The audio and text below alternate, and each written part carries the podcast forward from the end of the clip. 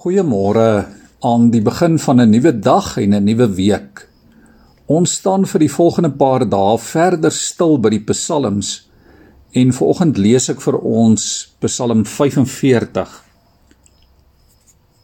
My hart loop oor van mooi woorde. Ek dra my lied aan 'n koning voor. My tong is die pen van 'n vaardige skrywer. U is mooier as ander mense, guns vloei oor u lippe. Daarom seën God u vir altyd. Gord u swaard aan die heup, o held. U luister en u glans. Seefuur in u glansrykheid. Trek op vir die saak van waarheid, nederigheid en geregtigheid. En laat u regterhand u lei tot onsagwekkende dade. U pile is skerp in die hart hart van die koning se vyande. Volke val onder u. U troon, o goddelike wese, is vir altyd en ewig. Die septer van u heerskappy is 'n billike septer. U het geregtigheid lief en u haat goddeloosheid. Daarom, o goddelike wese, het u God u met olie van vreugde gesalf, meer as u vriende. Na mirre, adelhout en wilde kaneel ryk al u klere uit paleise van u voor. Maak snaar instrumente u bly. Hierdie psalm besing die glans en die heerlikheid van die koning van Israel. Die digter sê nogal sy hart loop oor van mooi woorde en sy tong is soos die pen van 'n vaardige skrywer wanneer hy oor die koning praat en skryf Hy kan net goeie en mooi en edel dinge oor die koning sê. Hy sê die koning is glansryk, nederig, regverdig. Hy staan op vir die waarheid en vir dit wat reg is.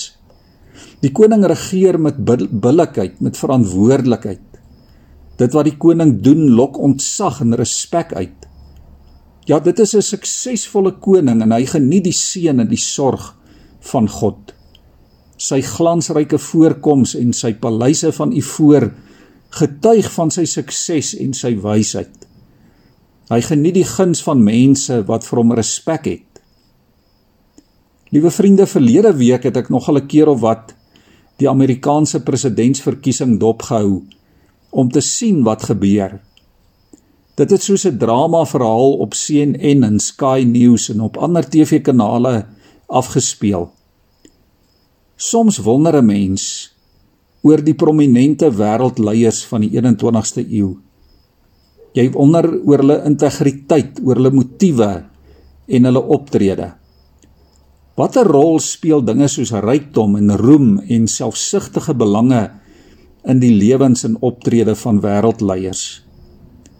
Is daar nog staatsmanne en leiers wat hulle beywer vir die waarheid en vir die reg van hulpelose mense?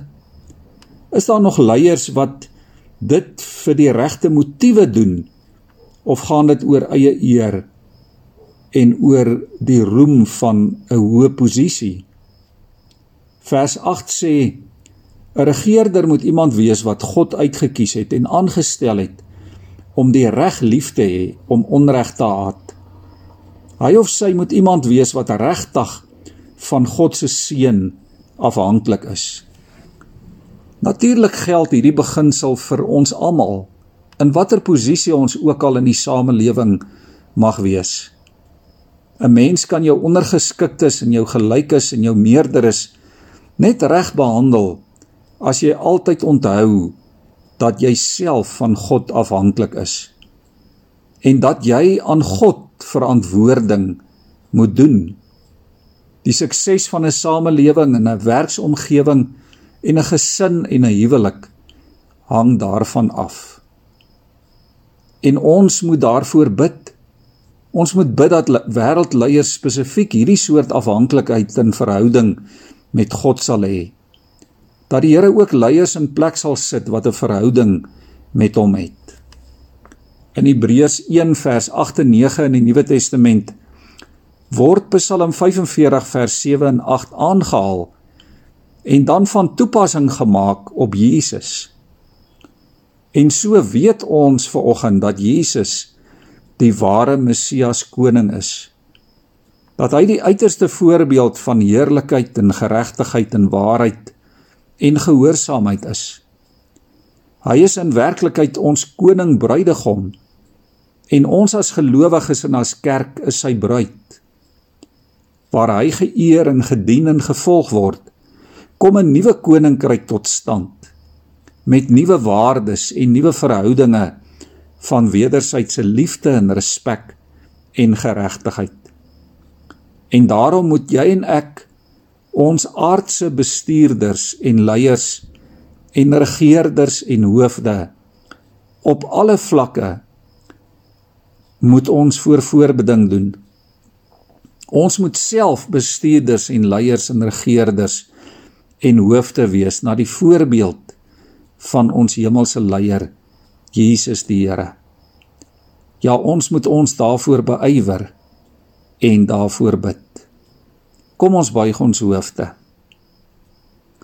Here, ons bid vanmôre dat U van ons elkeen 'n leier in eie reg sal maak. In ons blyplekke, in ons gesinne, in ons werk, in ons samelewing, in ons landstrukture. Ja Here, na die voorbeeld van Jesus.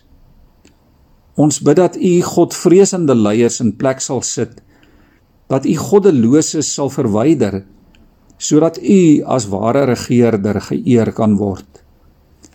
Dankie Here vir hierdie nuwe dag. Dankie vir 'n nuwe week en nuwe geleenthede. En dankie dat elke dag 'n nuwe begin kan wees saam met U. Ons eer U omdat U regverdig en goed is. Amen.